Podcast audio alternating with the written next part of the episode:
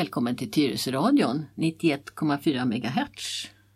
Jag heter Lena Hjelmerus och det här är ett eh, nytt nummer av Dr. Lenas hörna som är det medicinska magasinet som jag och den trogne vapendragaren Leif Bratt, Folkets röst. och vi producerar det här var tredje vecka oavsett hur det ser ut i omvärlden för övrigt. Ja, med vissa försiktighetsåtgärder. Vi sitter ju med säkerhetsavstånd mellan varandra. Vi har tvättat händer och vi har spritat lite utrustning. Ja, och jag har med mig mina egna hörlurar så att jag inte ska smitta ner studions hörlurar för de kan vara lite svåra att torka rent med sprit och sånt där. Ja. Jaha du Men Leif. vi ska också säga att vi har inga sjukdomssymptom. Nej, det har vi inte. 36 och 4 var mitt eh, värde i morse när jag steg upp och det har hållit sig runt i de sista 14 dagarna. Ja, eh, jag känner mig också faktiskt helt frisk. Och jag har varit och handlat idag eh, i ottan på morgonen. Jag var på kvart över sex var jag nere på parkeringen under Coop. Ja, jag blir trött bara jag tänker på det. Men nu sitter vi här i studion, pigga och glada. Ja, Ja. Och då var det så här att jag gjorde en planering för våren. Och då hade jag tänkt att så här fram i månadsskiftet mars-april då skulle vi kunna prata om eh, ja, solbränna och hudcancer. För det lämnade vi faktiskt när vi körde cancerserien i höstas. Eller så skulle vi kunna prata om hösnuva och allergier. För det brukar man prata om så här års. Men, så slog det till. ja, Ja. Och då, då, då måste vi ju faktiskt prata lite om, om farsoter och smitta istället. Eller hur? Ja, eh, det, det florerar ju så mycket. Alltså det som stör mig lite grann det är ju jag känner att jag via media dels får mycket eh, negativa nyheter hela tiden som gör mig lite deppig. Och så får jag skiftande besked från ja, ja, olika experter som talar om vi gör fel eller vi gör rätt eller här i Sverige. Så det är lite förvirrande och jag, jag är lite störd av, de kan väl prata ihop sig så att i alla fall vi fotfolket får ett klart besked, rätt eller fel, men i alla fall det skapar mindre oro.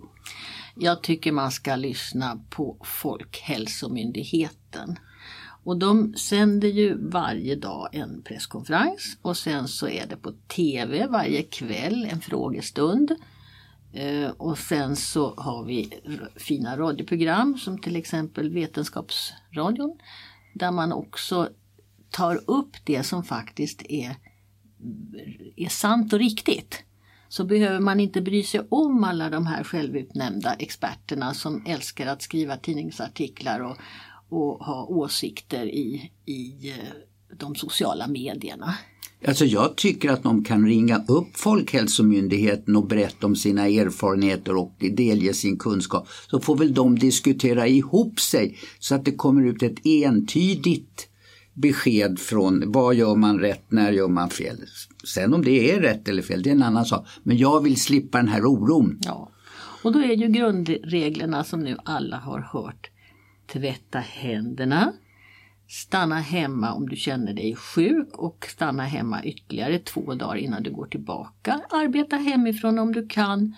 Och vi som tillhör riskgruppen, vi ska försöka att hålla oss lite för oss själva och inte delta i sånt där som vi kanske längtar efter. Och så finns det faktiskt massor av saker som man kan titta på om man har en, en dator där man kan både höra gudstjänster och konserter och roliga eh, filmer så att man kan fördriva tiden ändå. Det kanske är obekant för dig men jag är ju kompositör också. Är du det? Ja, jo. Det, jag fick en, en dänga i huvudet eller vad jag säger så här. Tvätta händerna så blir du riktigt bra, ha ha. Tvätta händerna så blir du riktigt bra, ha ha. Var det inte bra? Jo, visst. Och, och vet du vad jag har gått och, och sjungit på här nu då ett tag? Det här eh, det är från, de är gröna och de är blå och de är små, mycket små, mycket små, mycket små. Är det de här viruserna du menar då? Ja, och bakterierna. Och bakterierna är också små. Är Ja. det någon storleksskillnad mellan dem? Ja, det är det. En bakterie brukar man räkna med är en tusendels millimeter. Ja, det går ju inte att se.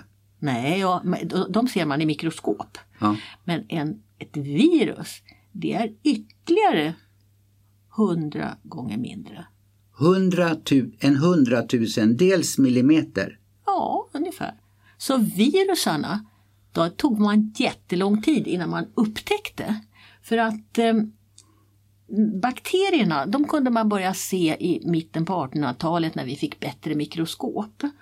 Och hela tiden från, ja, ska vi säga 1860 fram till 1930 så var man besatt av att hitta de här olika bakterierna, beskriva dem och ge dem namn och så. Var det inte några Nobelpris också på vägen? Jo, det var det. Eh, Det finns en, ett berömt namn, han hette Koch. Eh, Han hittade tuberkelbakterien. Och eh, en annan är, är vir, en ryss som heter Virchow. Och sen finns det Pasteur till exempel. Det är sådana här kända namn på bakterieforskare under slutet på 1800-talet. Men virusarna, de upptäckte man först på 1900-talet. Fanns det inte någon som hette Fleming eller något liknande med penicillin? Jo, Hade inte det med bakterier att göra? Ja, han upptäckte alltså det revolutionerande första, ja inte det första men ett av de absolut bästa eh, medicinerna, vapnen emot eh, Antibiotika. antibiotika mot eh, bakterier. För antibiotika fungerar bara på bakterier. Virus, som det är, vi har så mycket bekymmer med just nu, det är en, en helt annan typ av mikroorganism som man kallar såna här små saker. Ja, men alltså storleksskillnaden det är en sak. Mikro. F- Finns det någon annan skillnad mellan ett virus förutom storleken? Alltså är det olika, ja, typer, ja men är det hur stora skillnader är det? Det är ganska stora skillnader. Om vi börjar med en bakterie så har den ett ordentligt skal. Den har en egen ämnesomsättning, det är en levande organism. Men den har ingen hjärna. Nej, men den kan, alltså, den lever.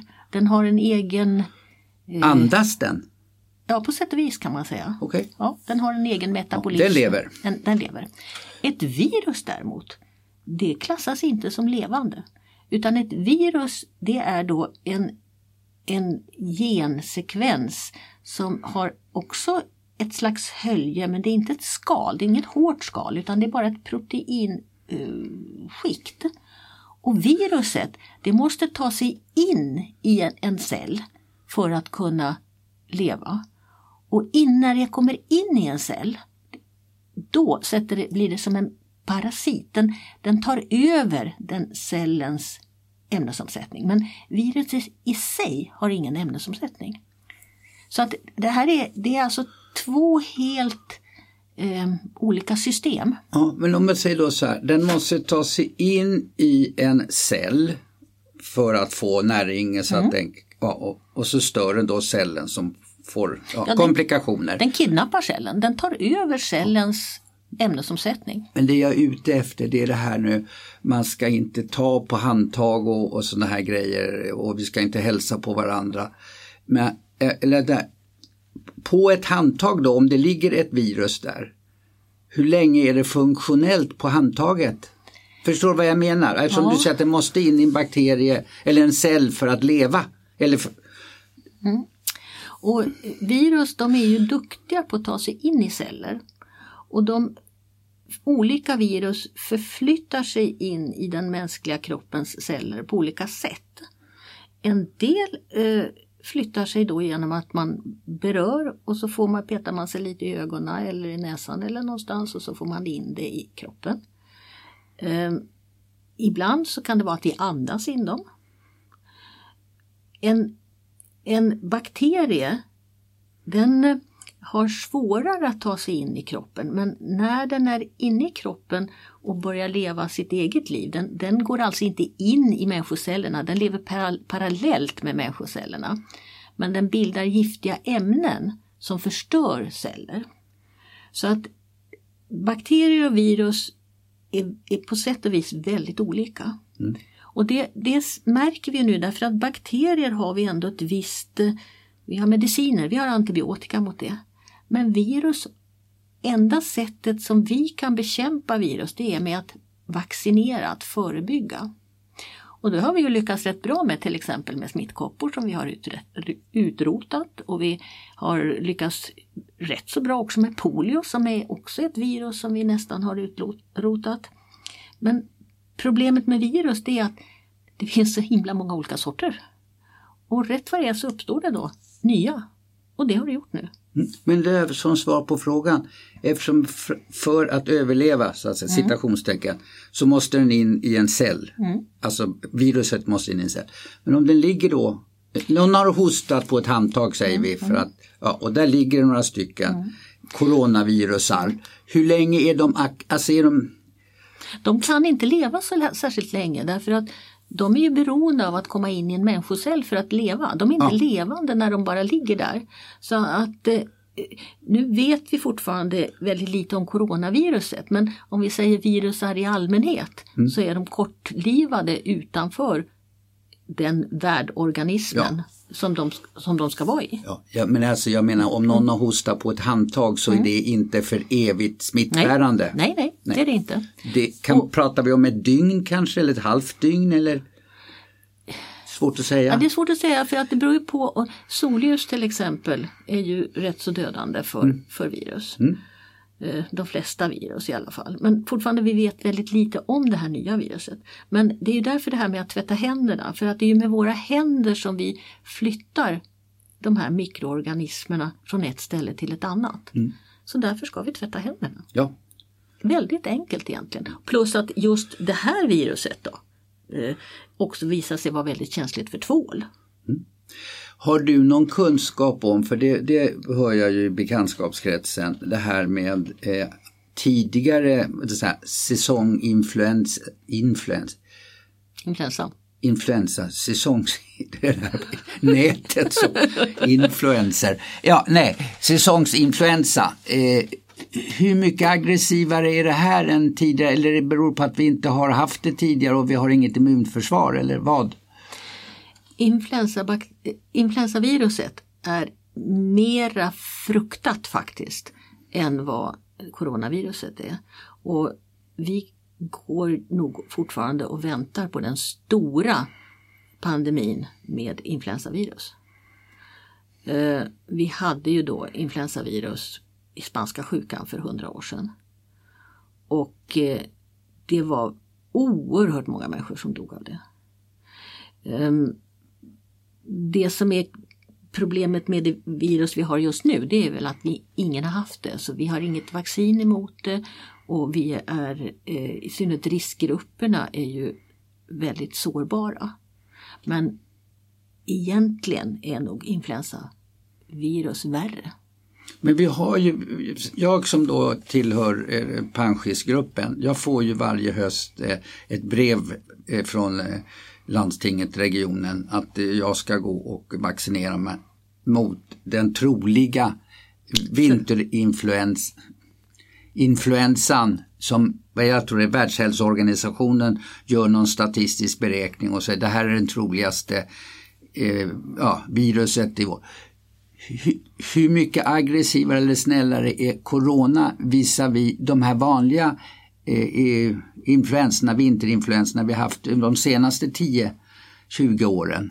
Ja, om man, jag lyssnade på experterna senast igår eh, och då säger man ju att eh, eh majoriteten som får det här eh, covid-19 får ju en väldigt, väldigt mild och symptomfattig sjukdom. Det är ju några få i, i, av världens befolkning som, blir, som dör av det.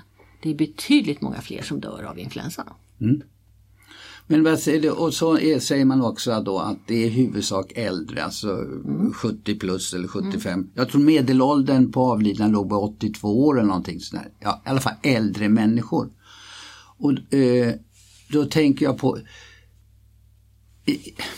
nu är det amatören som tycker någonting.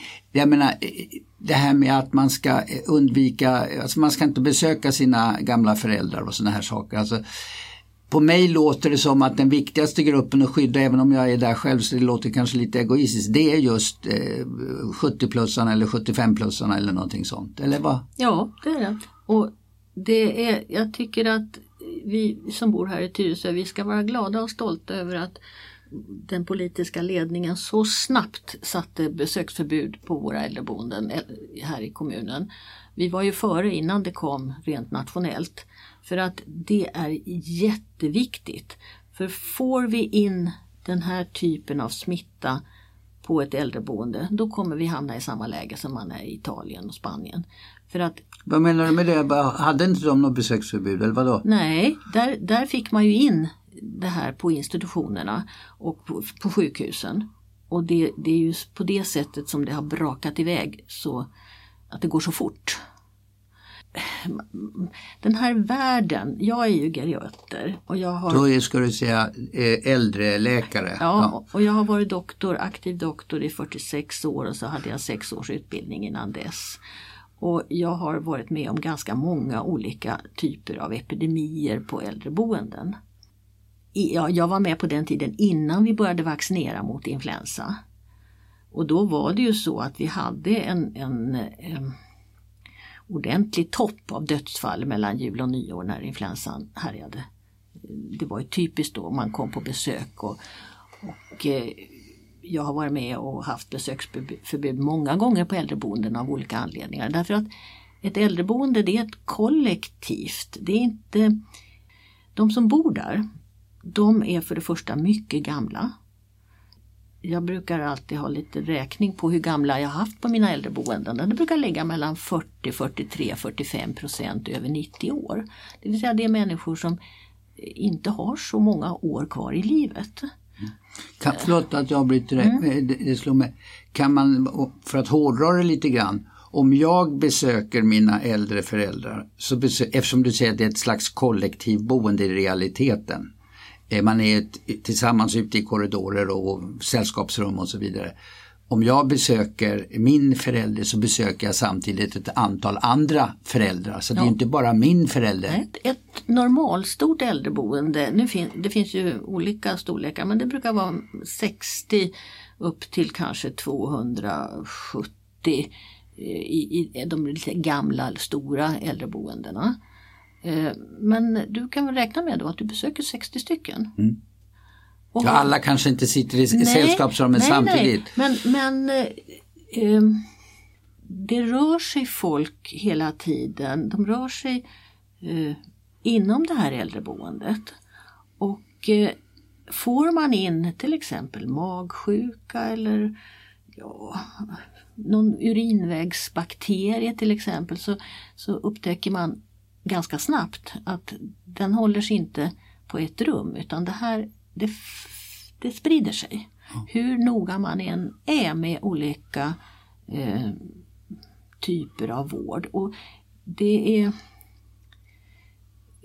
det, De flesta infektioner är, eh, går ju över. Och vi brukar inte skicka folk till akutsjukhus från äldreboendena annat än om det är absolut nödvändigt. Om, inte, om det krävs sån utrustning som man inte har på äldreboendet. Ehm, men av de här mycket gamla människorna som bor på ett äldreboende så är ju också idag nästan alla eh, dementa. Vilket gör att man har då en patient som inte riktigt förstår vad som händer runt omkring. Och kanske en patient som inte längre kan, eller en boende som inte längre kan gå och som inte kan tala och som kanske inte ens känner igen de här barnbarnen som så gärna vill komma och hälsa på. Och gamla farmor eller gamla morfar far inte illa av att barnbarnen uteblir. Det, det, här, det här känns konstigt att säga för att det är klart att det är trevligt om man bor på ett äldreboende att det kommer folk och hälsar på. Men den lyckan kanske bara varar den minuten som man är där i rummet. Sen har minnet, minnessjukdomen gjort att man, man minns inte det här besöket. Och som, i, I de här tiderna när vi, när vi lever i osäkerhet, då måste man li, kunna lita på varandra. Och man måste kunna lita på att personalen på äldreboendena som gillar sina gamla, för annars så skulle de inte jobba där, att de gör allt de kan för att gamla mormor ändå ska ha det så bra som möjligt på äldreboendet. Och då, då får man, man får stå ut med det här med att man inte får hälsa på. Sen har vi i den här kommunen, i Tyresö, eh, så, så säger man att är det någon som ligger på sitt yttersta på dödsbädden så ska man kunna ordna så man får komma in och säga adjö. Men det, det vet vi ju inte hur länge det funkar. Det beror ju på hur mycket smitta vi får in på äldreboendena. Men tack och lov att man satte stopp tidigt i den här kommunen för eh, besökare på våra äldreboenden. Ja, alltså jag då som inte är inom den medicinska världen, vi hade ju tidigare pro program där vi pratade om eh, etik och alltså man måste göra et etiska Prior prioriteringar. Prioriteringar, ja. Alltså den här kritiken mot eh, Sverige och Sveriges vägval, vad jag förstår så är det väl en avvägning mellan att samhället ska fungera och att rädda människoliv. Är det etiskt försvarbart att ha? Det är kanske fel att fråga dig men i alla fall. Det, ja, så upplever jag det att man gör en balansgång mellan samhället ska fungera och eh, få så många som möjligt att inte avlida av det här. Eh, har man gjort fel prioriteringar? Nej, det tror jag inte. Jag tror att de är duktiga på att prioritera inne på akutsjukhusen. Jag tänkte Folkhälsomyndighetens val mer. Nej, jag, jag tror på att de har en alldeles, de har ett faktaunderlag och eh, de beslut de fattar är mycket, mycket väl genomtänkta. Det är ju inte en person som sitter och fattar dem utan det här gör man den samlade expertis som arbetar på Folkhälsomyndigheten. Förutom då de exp eh, exhibitionister inom eh, äldreomsorg eller eh, epidemiologer eh, som måste tala om att de vet bättre än alla andra. Ja, men nu, nu... Är de inte med i gänget då? Nej, de ska nog inte vara med i gänget. Utan gänget är de som är våra myndigheter och det är Folkhälsomyndigheten och då kan man eh, lyssna på de här dagliga presskonferenserna så, och frågestunderna på kvällarna så tycker jag man kan känna sig trygg i det. Våra myndigheter eh, har en genomtänkt linje och de följer den. Och jag tror, jag tror på den. Och jag tror på den därför att jag har alltså det här med att skydda våra äldre. Det är ju vad jag har hållit på med hela livet. Eftersom jag har jobbat med äldre och jag vet vilka risker som finns för de äldre när de drabbas av sjukdom. Oavsett om det är säsongsinfluensa eller om det är nu som en, en virussjukdom. Mm. Och vi kommer, att, vi kommer att se höga dödstal i de här äldre grupperna. Ehm, det är nog oundvikligt för vi, vi, vi har ju eh, ganska, det är ändå en ganska liten del som bor på våra särskilda boende, äldreboenden. Jag, jag plockade fram här för ganska länge sedan så tog jag fram statistik här för Tyresö kommun. Ungefär hur många vi har i olika årsgrupper. Och nu kanske de här siffrorna har ändrats lite eftersom vi har fått en inflyttning i kommunen men det är ju inte de gamla som har flyttat in. Eh, och då, den prognosen här. Hur gammal är de här siffrorna då?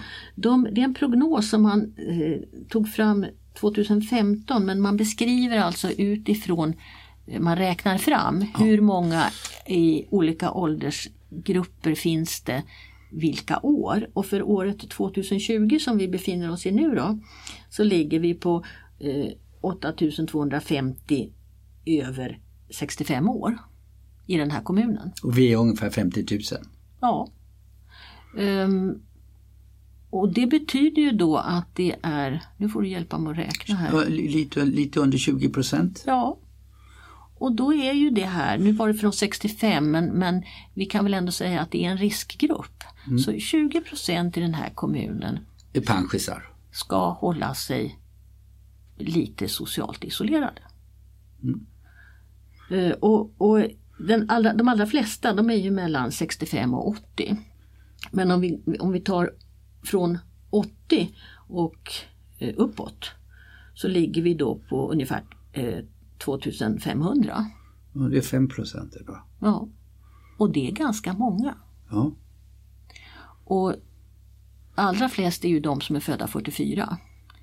Eh, det här har jag pratat om förut därför att det hade att göra med hur, hur Tyresö byggdes upp. Vi fick en puckel eh, just de som i den åldern. Och de är 75 år. 76 blir de i år. Mm. Och även om de är pigga och alerta så är de många. Eller vi är många. Du och jag tillhör ju också de här 20 procenten. Men, men om, om vi säger, eh, har du någon uppfattning om det här, för det är ju också ett stridsämne om jag får ta, ta i kraftord. Eh, det här med social isolering. Från absolut karantän, man sitter bara hemma i bostaden, går inte ut till att eh, ha den här en och en halv meter mellan sig och de andra, stå på ett visst avstånd. Hur mycket försämrar jag mina eh, eh, odds för att smittas om jag väljer det här att vara ute, men alltså inte jag kanske är hemma lite grann, lite mer än vad jag var tidigare, men jag går ut i alla fall men håller hela tiden det här avståndet. Jag isolerar mig avståndsmässigt så att säga. Alltså, Förstår du vad jag menar? Ja, mm. jag, jag, jag, har ingen, inga odds eller så men rent generellt så är vi ju både kropp och själ och psykiskt mår vi bättre om vi får lämna vår lägenhet en, en liten stund varje dag. Eh, och att gå en promenad är viktigt för att hålla kroppen igång. Det är resten av fysiska. Vi får ett bättre immunförsvar om vi sitter ute i solen en stund. Eh, men vi får ju ha de här mm, utevistelserna i, eh, i ett begränsat antal eh, eh, inte så många. Vi får inte gå i en stor klunga utan vi får väl gå, gå kanske två stycken eller möjligen kanske tre. Och så får vi ta en promenad på en halvtimme och så får vi gå in igen. Ja, för jag menar, eh, min hustru och jag vi är ju tillsammans i lägenheten och vi kanske inte alltid spritar handtagen och sådana här saker. Men ja, och vi tar promenad tillsammans, då är jag ju med, med samma riskfaktor, ja. min hustru ja. hela tiden. Och sen, vi lever ju inte i någon steril miljö utan var och en har ju sin egen bakterieflora brukar man prata om och vi har också säkert vår egen virusflora. Eh, och den, den är vi ju liksom lite vana vid. Och det, det, klassiska är ju när man får barnbarnen på besök och så blir man genast förkyld efteråt därför att de har med sig ett förkylningsvirus som inte ingår i min egen flora. Och, och det är ju också ett skäl till att man ofta väljer att vårda även svårt sjuka människor hemma. Jag har ju jobbat med hemsjukvård också av cancerpatienter i många år. Och I och med att man är i sin egen miljö som man har en viss motståndskraft emot så, så får man mindre infektioner än om man vistas på ett äldreboende eller ett sjukhus eller ett konvalescenthem eller någon annan sån här kollektiv eh, historia. Mm. Så att, att vara hemma är ofta mindre infektioner än om man är på sjukhus. Mm. Du Leif, våran halvtimme här den rusar iväg. Um, det här kan man ju prata länge om. Ja, det finns ju massa frågetecken där ute och, och, delvis på grund av att det sitter olika tyckare där ute. Så ja, ja. De, kan vi inte säga, ni som har frågetecken, skicka en liten fråga till info tyresoradion.se så kanske vi blir lite mer effektiva, produktiva eller vad man nu ska säga. Vi svarar på de frågor som finns. Ja, och sen tycker jag också att det är klart man blir rädd när en sån här eh, pandemi sveper över hela världen och vi får reda på hur det är i Spanien och Italien och Frankrike och nu är det i New York och vi får se bilder och man blir kallsvettig och jag ska ju också villigt säga att jag sover inte heller gott om nätterna för närvarande. Men det här kommer att gå över och eh, följer man de här kloka råden som vi får ifrån myndigheterna, tvätta händerna, stanna hemma om man känner sig sjuk, undvik stora folksamlingar och försök att hålla modet uppe på dina vänner och bekanta och grannar och hjälpa varann. Då, då vi klarar det här. Får jag avslutningsvis bara slog mig helt plötsligt. Jag har hört uppgiften eh, och igen, vet inte sant falskt. Eh, vi kommer alla eh, över tid, sen kanske inte nu den här månaden, kanske nästa år, men vi kommer alla för, med största sannolikhet att få det här viruset i oss. Ja, och det, det har jag sagt flera gånger och det, du kanske hörde det från mig från början, men vi kommer förr eller senare att få den här infektionen alla. Men ju senare desto bättre. Ja, och, och därför denna ja, frivilliga karantän Ja, eller visst. sociala isolering. Och vi kommer att leva med det här viruset i många år framöver. Men det kommer att tas fram ett vaccin. Så att precis som vi vaccinerar oss varje höst mot säsongsinfluensan som jag sa i början faktiskt är mer skrämmande. Så kommer vi också kunna få vaccin mot eh, coronaviruset. Så det, det är bara det att just nu så drabbas hela världen på en gång av något som var nytt. Och då blev det så här. Men kan man säga då så här eh, att genom att eh, socialt isolera sig i mer eller mindre hög grad så skjuter man fram det. Alltså vi får inte en jättepuckel som vi inte kan hantera utan vi smetar ut eh, insjuknandet kanske över eh, ett års tid eller någonting sånt och då hinner sjukvården med.